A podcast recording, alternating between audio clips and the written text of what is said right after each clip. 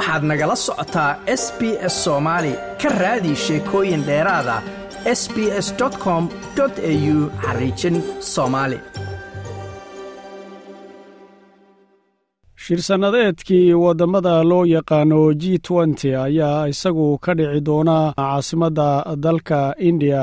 new delhi isagoo shirkaasna uu bilaaban doono sagaalka bisha sebtembar tobankeedana uu dhammaan doono labada maalmood oo uu socon doono. Balse hogaamiyaha waddanka shiinaha shi jinping ayaa isagu sida la sheegay imaanaynin shirkaasi arrintan ayaa waxa ay keentay su'aal ah xidhiidhka labada wadan waddanka lagu qabanaya iyo shiinaha ka dhexeeya iyo sidoo kaleete diblomaasiyadda waddanka shiinaha si guud ahaaneed su'aal saartay. Waa markii ugu horreysay ee shiinaha hoggaankoodu uusan ka qaybgelaynin shirka g ntyga laga soo bilaabo tan iyo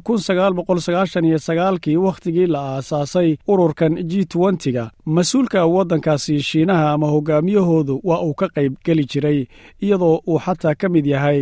shi jinping oo isagu hadda aan ka soo qaybgelaynin shirkan ayaa sanadkiiba mar la qabtaa isaga oo waddamo kala duwanna lagu qabto. Haatana new delhi caasimadda waddankaasi indiya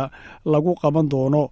iyadoo ay ka soo qaybgalayaan sagaal iyo toban waddan oo xubnaha ka ah iyadoo labaatankana uu ku yahay ururka midowda reer yurub iyo waddamada kaleete sida gaarka ah loo martigeliyey. Su'aashu marka waxay tahay maxuu hogaamiyaha waddanka shiinuhu uusan u imanaynin? Doctor jeneva hasu oo ah brofesor isagu booqasho kula jooga jaamacadda new south wales ayaa waxa ay eegaysaa xidhiidhka ka dhexeeya shi jinping iyo ra'iisul wasaaraha waddankaasi indiya narendra modi waxayna tiri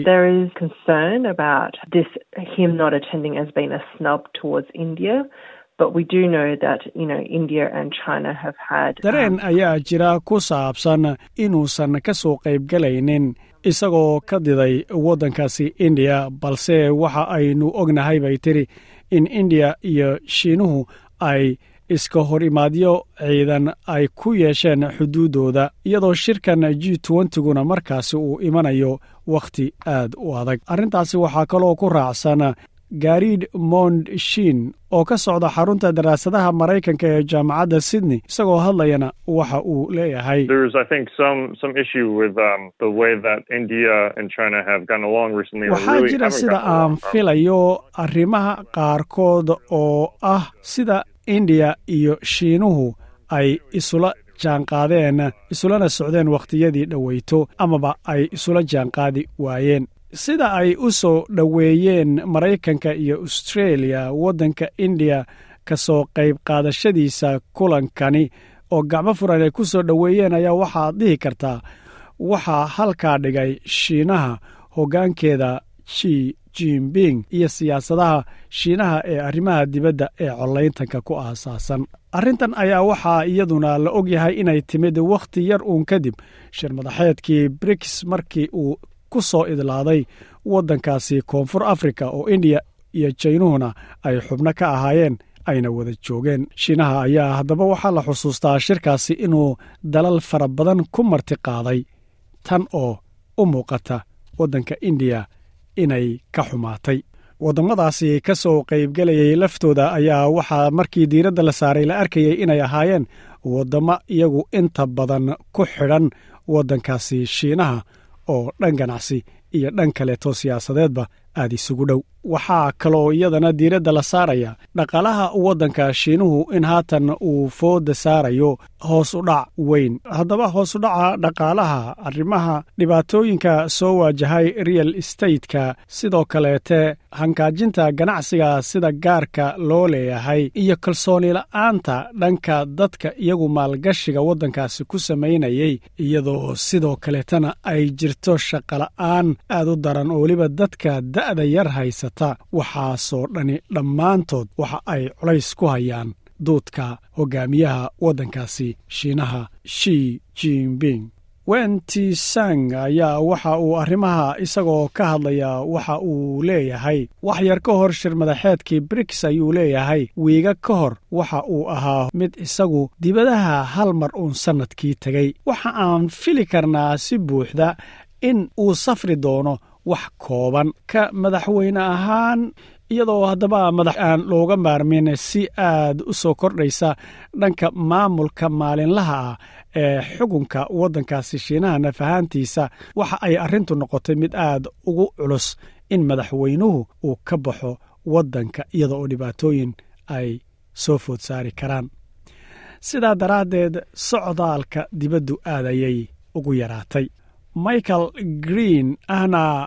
madaxa fulinta xarunta daraasadaha cilmibaarista maraykanka ee jaamacadda sydney ayaa waxa uu filayaa in booqashooyinka haddaba uu dibadaha ku tegayo inay saari karto culaysyo ay ka mid yihiin dalaacayn oo uusan diyaar haatan u ahayn hogaamiyaha shiinuhu wuxuuna markaasi filayaa in ururka g nty ay wejigabax ku noqonayso sida uu dareensan yahay hogaamiyaha shiinuhu haddii uu ka soo qayb galo. Isagoo hadlayana waxa uu yidhi dhaqaalaha waddanka shiinuhu si aad u tabardaran ayuu haatan ku socdaa. Dalaacaynta shiinuhuna waa ay soo badanaysaa si gaara waddanka indiya iyadoo waddankaasi haatan g shirkaasi uu martigelinayo ma ay weerarayso shiinaha balse maadaama oo shirkaasi g ntyga waddankeeda lagu qabanayo uma soo bambaxayso in ay ka difaacdo eedeymaha iyo dalaacaynta shiinaha kaga imanaysa maraykanka iyo astreeliya iyo bahda reer yurub hogaamiyaalkooda. Su'aashu markaa waxa ay tahay maxay haddaba dhab ahaantii ururka g ntygu muxuu ka dhigan yahay qaab shaqayn ahaan. G waa sida g oo kale ama ururka isaguna brikis oo kale waa kulan weyn oo hogaamiyaal ay isugu imanayaan wayna wada hadlayaan halkaasoo ay ku wada xaajoonayaan ayna u badan tahay in heshiisya la gaadho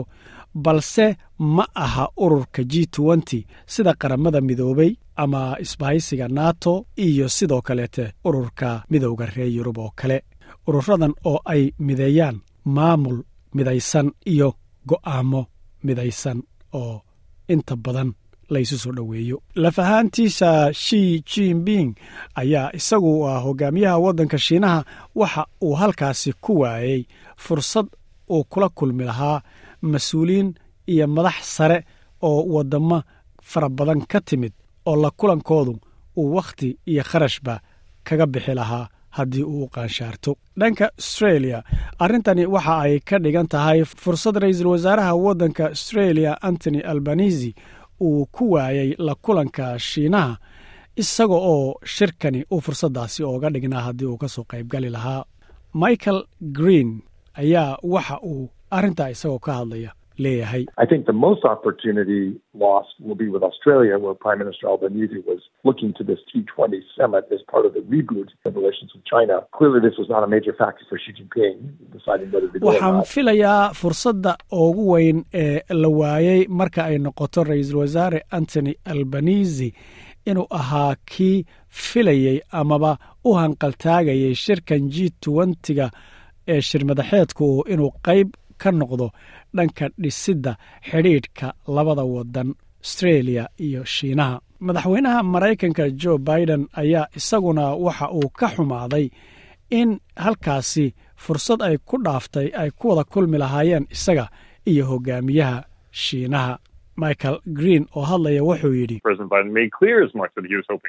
Biden meet with uh, Xi Jinping at the G20. But again, Xi Jinping. madaxweyne baiden waxa uu caddeeyey in uu damacsanaa in uu kulan la yeesho hogaamiyaha shiinaha ee shirkan g ntyga balse mar kaleeta buu yidhi hogaamiyaha isaga ayaa mas'uul ka ah howlihiisa waxa uuna go'aansaday in uusan shirka imaanin dhanka kaleete shirkan g ntygu socdaalkiisa iyo habsami u socodkiisu waxa ay u badan tahay inaynan waxba ka soo gaadhin maqnaanshaha hogaamiyaha waddanka shiinaha waa sida uu qabo aragtida michael green isagoo hadlaya waxa uu yidhi I don't think that Xi Jinping is going to cause the G20 to collapse or weaken. He'll send ma filayo in ji jinping uu yahay mid isagu u sababaya g kulankeedu inuu burburo amaba uu daciifo. Waxa uu isagu laftiisa u soo diray lii kang nin la yidhaahdo oo bremiyerkiisa ah. Sidaa daraaddeed uu ma filaya buu yidhi in uu khatar ku yahay g amaba g amaba ururada kaleete ma doonaysaa sheekooyinkan oo kale? Ka dhegayso apple podcast google podcast spotify ama meel kasta oo aad bodkastigaaga ka hesho